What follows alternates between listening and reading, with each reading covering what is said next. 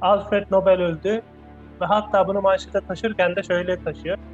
Milyonların ölmesine sebep olan buluşu yapan Alfred Nobel öldü diye. Alfred Nobel bunu görünce yıkılıyor tabii ki.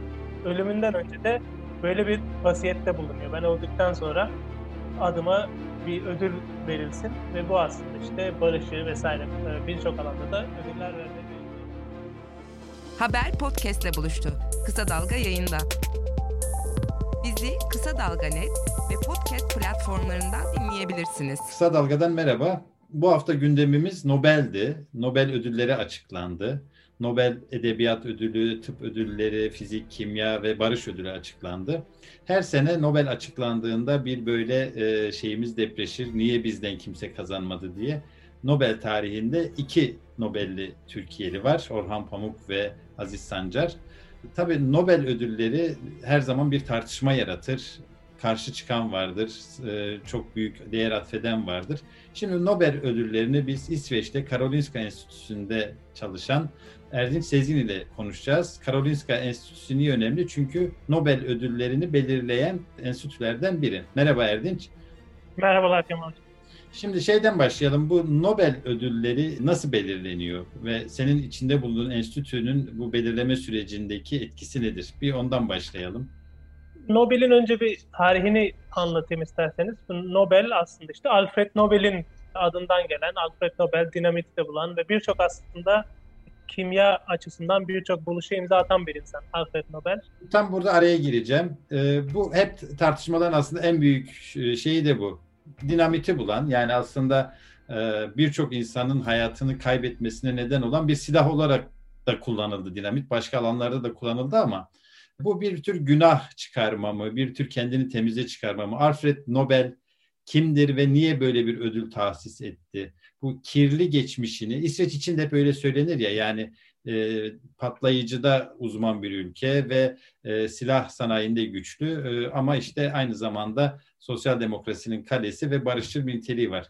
İsveç'i bir kenara bırakalım ama Alfred Nobel'e biraz bir parantez açar mıyız? Niye böyle bir ödül koymuş? Ha, bu da aslında ilginç hikaye. Onun hikayesi de çok ilginç. Ondan başlayayım aslında. Alfred Nobel e, 1890 yılında kardeşi ölüyor bunun. Kardeşi ölünce burada Fransız bir gazete bunu aslında Alfred Nobel ölmüş gibi algılıyor ve bunu manşete taşıyor. Alfred Nobel öldü ve hatta bunu manşete taşırken de şöyle taşıyor. Milyonların ölmesine sebep olan buluşu yapan Alfred Nobel öldü diye. Alfred Nobel bunu görünce yıkılıyor tabii ki. Ölümünden önce de böyle bir vasiyette bulunuyor. Ben öldükten sonra adıma bir ödül verilsin ve bu aslında işte barışı vesaire e, birçok alanda da ödüller vermeye verilmeye başlıyor. Bu barış ödülleri öldükten bir yıl sonra verilmeye başlıyor Nobel ödülleri. Yani Nobel'in bilimsel buluşları tabii ki çok önemli. Şimdi dinamiti buldu diye onu aslında canavarlaştırmak da doğru değil.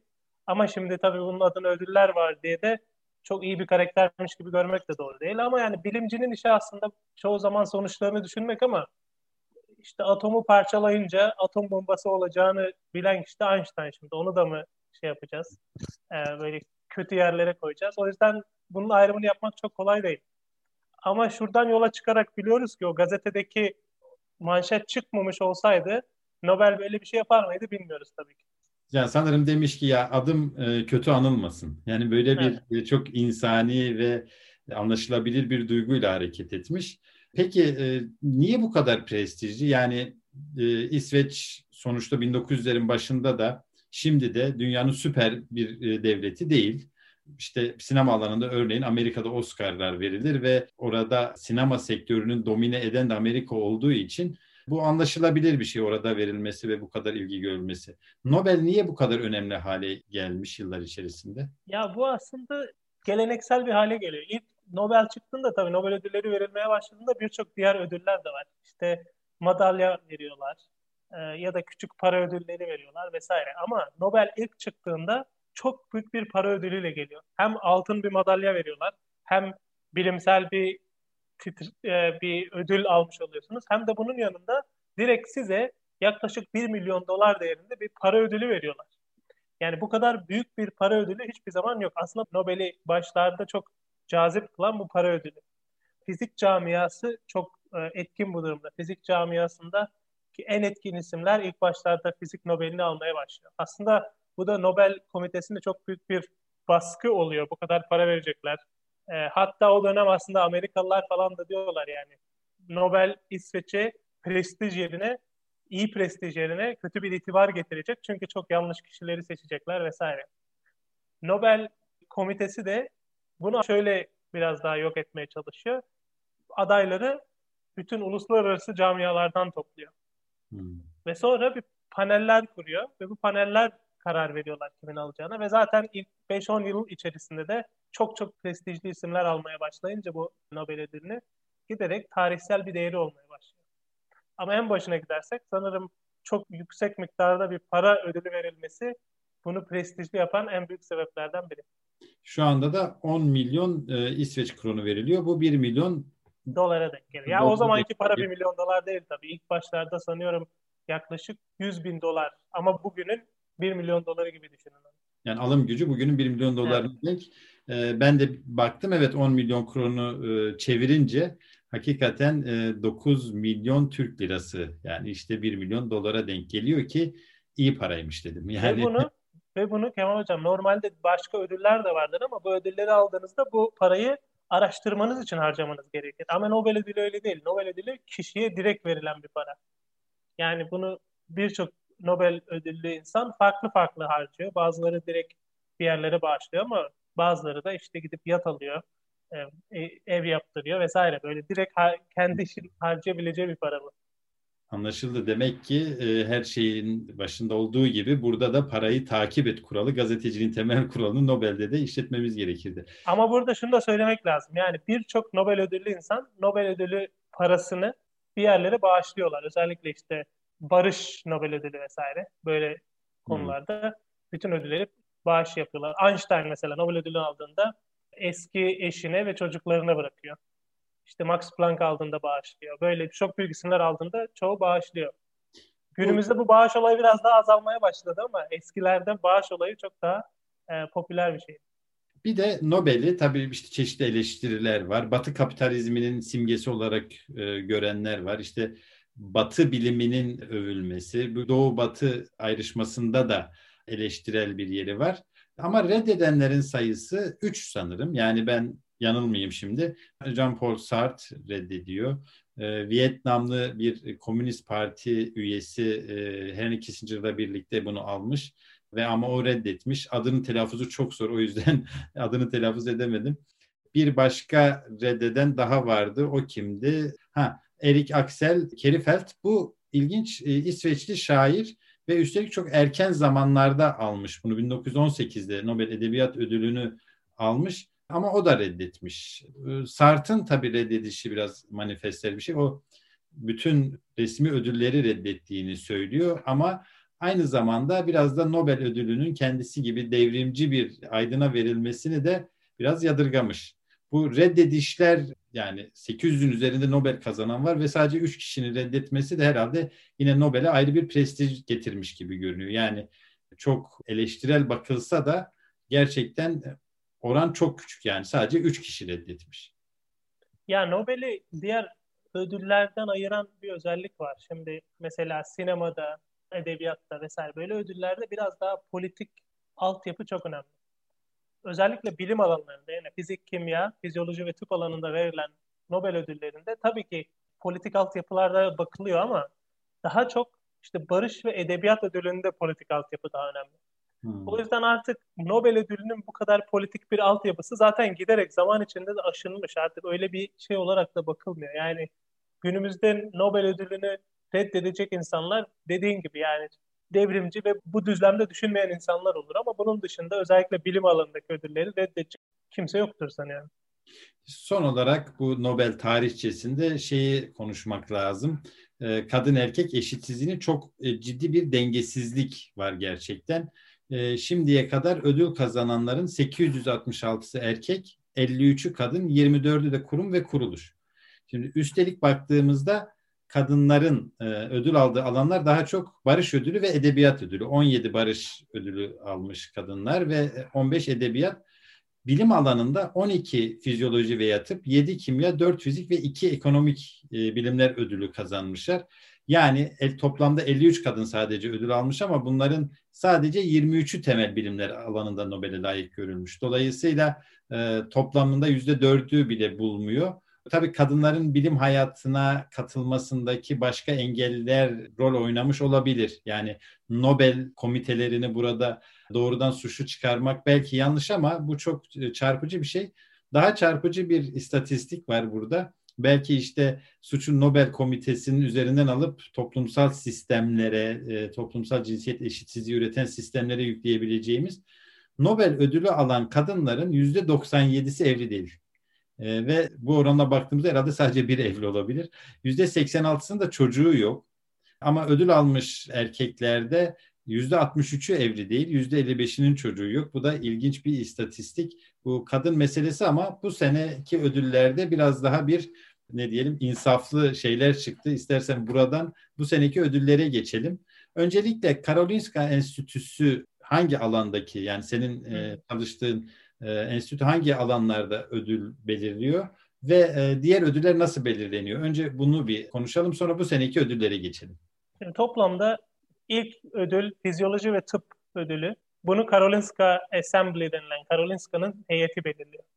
Sonra kimya ve fizik ödülleri var. Bunu Royal Bilim Akademisi belirliyor. İsveç Royal Bilim Akademisi belirliyor. Yani kraliyet bilim Kraliyet Bilim Akademisi ama bilim insanlarından oluşuyor yani. Öyle Kraliyet Bilim Akademisi denildiğinde sanki işte kral, prens, prenses yemek yerken belirliyorlar gibi değil tabii. Edebiyat ödülünü burada Nobel Akademi denilen Swedish Akademi, İsveç Akademisi belirliyor onu da.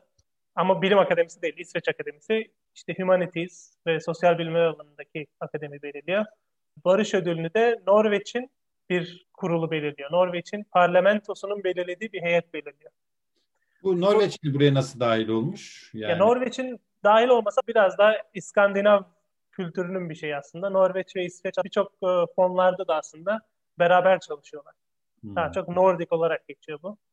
Bundan sonra da bir ekonomi ödülü var. Ekonomi ödülü çok sonradan geliyor. 1950'lerde sanıyorum geliyor. Bu da bir bankanın himayesinde geliyor. Belirli bir heyet kurulu ekonomi ödülüne de onlar karar veriyor ama ekonomi ödülü çok daha sonradan geliyor. Karolinska'nın buradaki etkisi Karolinska en önemli bilim insanlarının kurduğu bir heyet aslında. Bir yıl boyunca toplanıyorlar. Periyodik olarak toplanıyorlar. Kim alabilir bunlara karar veriyorlar ve en sonunda da panel o gün oylamasını yapıyor ve alan kişiye haber veriyor. Peki o zaman Karolinska'nın bu yıl verdiği ödülle başlayalım. Tıp alanında bir ödül verdi. Bu yılki ödülleri de dikkat çeken şey tek kişiye değil de birlikte ya da o alanda çalışan bilim insanlarına ödül verilmesi. Bu yılki mesele de hepatit C'ymiş. Kimler ödül aldı ve bunlar niye bu ödüle layık görüldüler? Şimdi önce şuna yorum yapayım. Genel olarak bilim alanında bir kişinin alması artık çok eskide kaldı. Ee, genel olarak bilim alanlarında daha çok kişi alıyor. Şimdi bu seneki alanlar da yine 3 kişi çok önemli bir alan aslında. Viroloji artık. Bunu hepimiz biliyoruz. Virüslerin ne kadar önemli olduğunu. Özellikle bu sene giderek daha iyi anladık virüslerin ne kadar önemli olduğunu. Alan kişiler aslında daha öncesinde birçok virüsle çalışmış ama hepatit C virüsünü bulan insanlar. Hepatit C'de nasıl buluyorlar mesela? Önce şempanzeyle çalışıyorlar. Kan aktarımıyla mesela insandan şempanzeye kan aktarımıyla önce bu virüsün aslında aktarılabileceğini görüyorlar. Bu birçok şeyi değiştiriyor. Öncelikle kandan bir virüs başka birine aktarılıyor. Bu demek oluyor ki eğer siz birine kan verirseniz sizdeki virüs başkasına aktarılır. Daha sonraki işte araştırmacılar bu üç kişi daha sonra e, bu virüsün tanımını yapıyorlar, genetik altyapılarını buluyorlar ve en sonunda da bu virüsün insandan insana geçtiğini bularak bu virüs tamamen bu bildiklerimiz sayesinde neredeyse yok olmak üzere bazı ülkelerde. Yani aşısı yok bu virüsün ama şu anda tanımını yapabildiğimiz için, insandan insana nasıl geçtiğini bulduğumuz için neredeyse bitmek üzere hepatit C virüsü. Bizi Kısa Dalga ve podcast platformlarından dinleyebilirsiniz. Bunu söyleyelim isimleri Alter, Houghton ve Rice e, evet. bilim insanı. Yani benim anladığım e, hakikaten bir hastalığa yani hepatit C'ye çare bulmuş bilim insanları. Fizyoloji ve tıp alanında genel olarak alan insanlar mutlaka tıp alanına katkısı olmuş insanlar olması gerekiyor. Yani bir şekilde yaptıkları şeyin şu andaki sağlık alanında etkisi olmuş olması gerekiyor. O yüzden tıp ve fizyoloji alanına baktığınızda genelde bu araştırmalar 30 yıl, 40 yıl önce yapılmış araştırmalar. Bu yüzden de aslında bu demin söylediğiniz şey işte cinsiyetçi seçim aslında bu biraz da onu anlatıyor. Şu anda alanların özellikle fizyoloji ve tıp alanında alanlar 20-30 yıl önceki bilimsel camiayı temsil ediyorlar. Yani 20 yıl 30 yıl sonra büyük ihtimalle biraz daha cinsiyet olarak dengelenmiş olacaktır bu ödülde. Peki bir de kimya ödülleri var. Burada da iki bilim kadını aldı bunları. Emmanuel Charpentier ve Jennifer Doudna. Ee, bunlar hangi alanda çalışıyorlardı? Charpentier ve Doudna aslında bunların ilk çalışma alanı bakterilerin savunma mekanizması. Bakterilerin en önemli tehdidi aslında virüsler. Virüsler bakterileri öldürüyorlar. Ama bakteriler aslında bu virüslere karşı bir savunma mekanizması geliştiriyorlar. Kendi virüslerin DNA'sını, genetik yapısını diyelim, kendi genetik yapısına koyuyor ve bir sonraki gelişinde direkt virüsü nötralize edebiliyorlar. Sonra bunu yavaş yavaş anlamaya başladıktan sonra acaba biz bu sistemi, bu bakterilerin defans sistemini, bağışıklık sistemini başka bir şekilde kullanabilir miyiz? Nasıl oluyor Mesela gelen virüsün genetik materyalini tanıyor, sonra onu kendi içerisine koyabiliyor vesaire. Bunu sonra geliştiriyorlar. Bunu şöyle bir hale getiriyorlar. Genom tasarımı haline getiriyorlar. Genom dediğimiz şeyi açıklayalım biraz. Genom her hücrenin içerisinde bulunan genetik materyalin toplamı. Bu genetik diziler işte sarmal şeklinde, ikili sarmal şeklinde olan şeyler. Bunlar her küçük küçük yapılar, birimleri var. Altyapıları. Bunlara bazlar diyoruz biz. Bu bazlardaki mutasyonlar mesela hastalıklara sebep oluyor. Siz bu belirli bir genom bölgesinin belirli bir yerini kesmek istiyorsanız çok zor bir işlem aslında. Genom düzenleme konusunda birçok yöntem vardı. Bu Jennifer Doudna ve Emmanuel Charpentier'den önce de birçok yöntem vardı. Ama özel bir bölgeyi kesip onu düzeltmek mümkün değildi bu teknolojiden önce. Bunlar bu bakterinin bağışıklık sistemini kullanıyorlar ve biz herhangi bir hücrede, memeli bir hücrede mesela DNA'nın yapısını değiştirmek için bir araç olarak kullanıyorlar bunu. Buna da CRISPR-Cas9 sistemi diyoruz. CRISPR aslında o DNA'daki bakteri DNA'sındaki yapı diyelim. Cas da bunu yapan enzim. Cas-CRISPR sistemi aslında bu. Cas-CRISPR sistemini bularak şu anda istediğiniz memeli hücresinde istediğiniz genetik bölgeyi değiştirebiliyorsunuz. Peki bu ne işe yarar? Yani ne faydası var diye sorayım. Evet, şimdi ne faydası var? Çok güzel bir soru. Çünkü aslında bu Cas CRISPR yöntemi bilimsel olarak büyük bir devrim. Çünkü şu anda bütün laboratuvarlarda, hücre biyolojisi yapan bütün laboratuvarlarda kullanılan bir sistem. Mesela biz belirli bir proteinin fonksiyonuna bakmak istiyorsak Cas CRISPR sistemini kullanarak o proteini ortadan kaldırıyoruz ve bakıyoruz hücrede neler oluyor. Ya da yeni bir protein ekliyoruz mesela. O protein yerine başka bir protein koyuyoruz. Bakıyoruz ne oluyor. Ama bunlar laboratuvarda, Petri kabında, işte laboratuvar ortamında yaptığımız deneyler diyelim. Sağlığa etkisi var mı şu anda? Sağlığa etkisi olsaydı zaten büyük ihtimalle fizyoloji tıp alanına da girebilirdi yaklaşık 10-20 yıl içerisinde. Ama kimya olarak çok büyük bir devrim bu. Şu anda tıp alanına girdi mi? Girdi tabii ki. Birkaç tane Cas CRISPR, bu genom mühendisliğini, genom düzenleme yöntemini kullanan birkaç e, yöntem var klinik fazlara geçmiş. Özellikle nerelerde daha uygun bu? Mesela tek bu bazlara söyledik ya genom küçük küçük bazlardan oluşuyor diye. Özellikle tek bazlarda tek bazın mutasyonundan sebep olan bazı hastalıklar var. Bu tek bazın mutasyonu kolaylıkla düzeltilebilecek bir şey. Bu CRISPR-Cas9 sistemiyle. Hangi hastalıklar mutasyonlar, Mesela kanser mutasyonları gibi çok çok büyük mutasyonlarsa, fazla mutasyonlarsa biraz daha işimiz zor. Ama özellikle tek bir mutasyonsa bunu düzeltmek daha kolay. Cas CRISPR şu anda bunun içinde kullanılıyor. Sadece bunun için değil. Şu anda deneysel olarak birçok hastalık için Cas CRISPR yöntemi kullanılır mı laboratuvarlarda test ediliyor.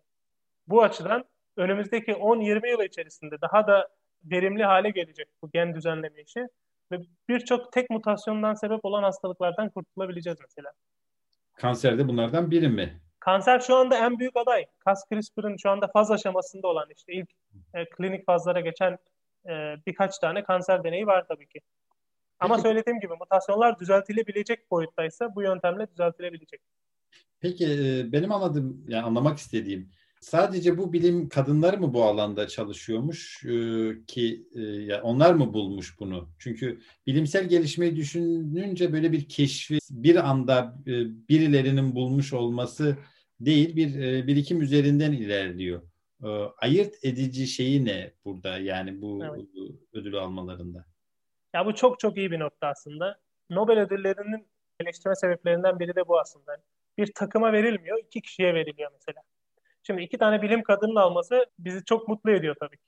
Bilimsel olarak artık kadının bilimdeki yeri giderek belirginleşiyor. Ama onun yanında Nobel ödülünün karakteri bu. Yani birkaç kişiye veriliyor. En fazla üç kişiye veriliyor bu. Üçe bölünüyor. Ama bunun yanında mesela bu e, Nobel ödülünü alan insanlar genelde laboratuvarların başkanları. Ama işleri yapanlar, doktor öğrencileri, postdoktoralar, master öğrencileri bunların hiç adı geçmiyor. Mesela bu Cas CRISPR örneğinden gidersek makaleleri çıkıyor tabii ki. Bu makalelerde ilk yazarları tanımıyoruz bile biz. İlk yazarlar işi yapan kişiler. Son yazarlarda patronlar oluyor genelde. İlk yazarlar yani işi yapan kişilerin adını bile bilmiyoruz bazen. Genelde son yazara odaklanıyor. Bu bilimsel yöntemin altını kazıyor biraz. Çünkü bilim artık grup işi. Hatta bir grup da değil.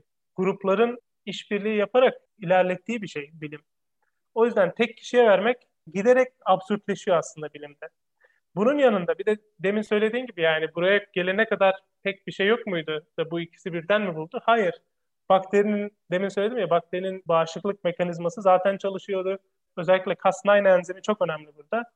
Bunu bulan mesela Litvanyalı bir bilim insanı Vilnius Üniversitesi'nden. O kişinin de Nobel alması bekleniyordu. Biyokimyasal olarak birçok deneyleri o yapmıştı.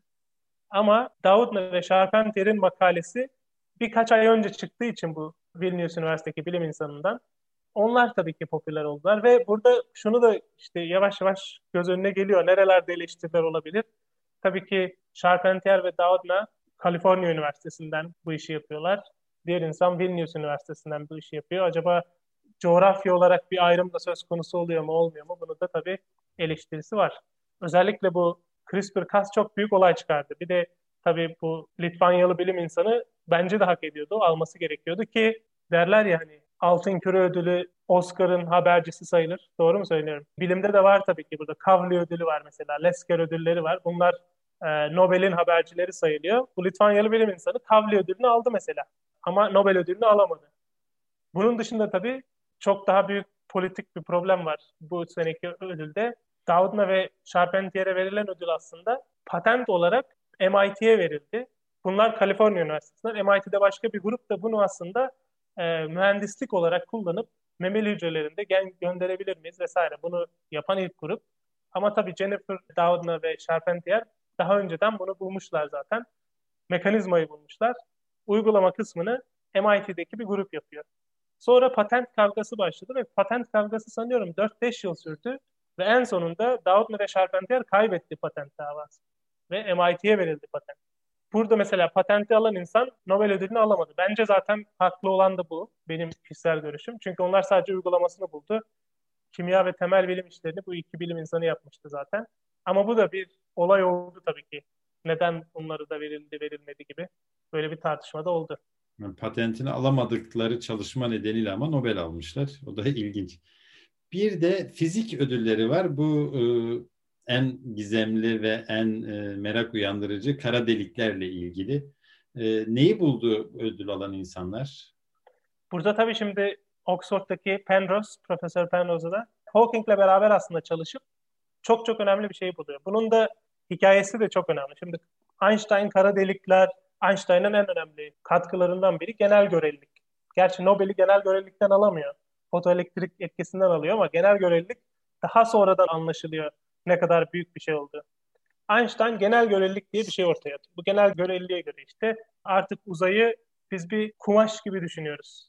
Yer çekimini kumaştaki eğrilmeler olarak düşünüyoruz. Buna işte uzay zaman çizgisi diyoruz. Bu genel görelilik tabii ki büyük kütlelerin bu yer çekimini aslında artık bir kuvvet olarak değil de yer çekimini bir bükülme olarak tanımlıyor genel görelilik. Büyük kütlelerin ışığı bile bükebileceğini öngörüyor. Ama Einstein'ın genel görelilikten matematiksel olarak çıkarabilecek bir sonuç kara delik.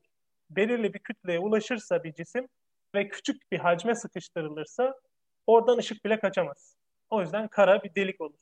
Ama Einstein yok ya bu sadece matematiksel bir sonuç genellik genel göreliğin ve hatta bazı yazılarında o şeyindir, genel göreliğin büyük bir hatasıdır falan der.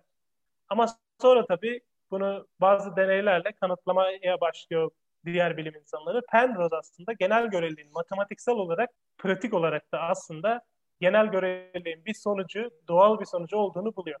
Hawking'le beraber çalışıp işte daha sonra kara deliğin yapısı konusunda da çalışıyor. Penrose genel görelilikle kara delikleri bağdaştırıyor. Yarısı Penrose'a veriliyor. Alan diğer iki kişi, biri işte Max Planck Enstitüsü'nden, diğeri de e, yine Kaliforniya Üniversitesi'nden. Bunlar da bizim galaksimizin ortasındaki büyük kara deliği buluyorlar. Ve sonra bu hatta şu anda giderek yaygın bir fikir haline geliyor. Her galaksinin ortasında çok çok büyük, süpermesiv denilen yani çok büyük, çok büyük kütleli kara delikler var. Bizimkinin ortasındaki Sagittarius A yıldız denilen bir kara delik. Bunun galaksimizin ortasında olduğunu bulduktan sonra giderek daha yakınlaşıyoruz aslında bu gizemi çözmeye. Ki geçen sene sanıyorum hatırlarsınız kara deliğin ilk görüntüsü çıktı. O işte M87 galaksisinin ortasındaki kara deliğin görüntüsü. Ama sanıyorum e, bu yıl ya da gelecek yıl içerisinde Sagittarius A yani bizim galaksimizin Samanyolu galaksinin ortasındaki kara deliğin resmi de çıkar. Çünkü bilgiler var. Bilgilerini almışlar ve şu anda işliyorlar sanıyorum. Peki burada e, bulunan şey yani kara delikler meselesinin evrenin sırlarını çözmemize nasıl bir etkisi olacak? Hani e, bir katkısı var mı ya da? Ya evrendeki en büyük sır kara delik. Kara deliği düşünürken böyle kara bir delik gibi düşünmemek lazım. E, zaten kara delik adı da ilk başlarda bu bahsedilen olayla dalga geçmek için bir gazetecinin verdiği bir isim. O zaman buna kara delik diyelim deyip dalga geçiyor aslında. Öyle kara delik kalıyor. Kara delik ışık düşünün çok büyük bir kütleyi çok küçük bir alana sığdırdığınızda ortasına tekillik deniliyor. Singularity yani tekillik. Burada ne olduğunu hiç kimse bilmiyor. Sonra kara deliğin bir de bir sınırı var. Bu sınıra işte ya ufuk çizgisi deniyor, ufuk sınırı, event horizon, olay ufku ya da bunu aslında Schwarzschild e, mesafesi de deniyor. Bunu bulan bilim insanı Schwarzschild. Bu mesafeden sonra hiçbir şey artık kara delikten çıkamıyor herhangi bir şey bu kara deliğe girdiğinde buradan çıkışı yok.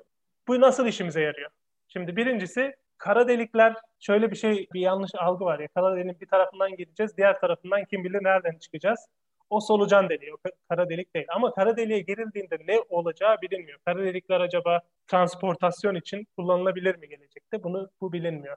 Ya da kara deliğe giren nesnelere ne oluyor? Çünkü her nesne şu anda biz tanımlıyoruz mesela. Benim elimde bu bardak var. Gösteriyorum. Diyorsun ki sen bu beyaz, mavi, işte bir şekli var. Ama bu şekil çok nesnel. Ama bir kuantum bilgisini alabildiğimizde bu kuantum bilgisi kaybolmuyor. Siz bu bardağı ne yaparsanız yapın, bunun bir kuantum bilgisi var. Ama bu nesneler kara deliğe girdiğinde kuantum bilgisine ne oluyor bunu da bilmiyoruz. Yani asıl gizem şu ki yani kara deliklerin ne yaptığını bilmiyoruz. Maddeleri orada ne olduğunu bilmiyoruz. Ve ileride bu kara delikler bir şey için kullanılabilir mi? Bunu da bilmiyoruz. Nihayetinde ama eğer kara delikler söylenildiği kadar yaygınsa ki bazı bilim insanları galaksilerde yıldızlardan çok kara delikler olduğunu düşünüyor. Kara delikleri anlamak galaksi anlamanın tek yolu. Peki. Çok teşekkür ederim Erdinç. Bize e, bu Nobel ödülleri niye verildi? Hani çok böyle bir satırla geçiyordu işte karaciğerlerle ilgili hepatit C hastalığı vesaire. Ama e, en azından hayatımızı nasıl dönüştüreceklerine dair çok kapsamlı bilgiler verdin. E, umut ediyoruz ki bilim insanları Türkiye'den de ileride bu listelerde adlarını görelim. Evet evet alacaklardır ben buna inanıyorum. Nobel ödülündeki bu cinsiyetçilik de giderek düzelecek bunu da düşünüyorum. Ama bir de şunu da söylemek lazım. Nobel ödülünün bu kadar popüler olması bilim açısından da iyi bir şey aslında. Çünkü yılda birkaç günde olsa bilimsel bir şeyleri gazetelere taşıyan, haberlere taşıyan ve insanların bilim okumasını sağlayan bir şey Nobel ödülü. O yüzden de yani olabildiğince bilimi ne kadar haberlere taşırsak o kadar iyi bizim için. Çok teşekkürler Erdin, çok sağ ol. Ben teşekkür ederim, çok sağ ol. Haber podcastle buluştu. Kısa Dalga yayında. Bizi Kısa Dalga Net ve podcast platformlarından dinleyebilirsiniz.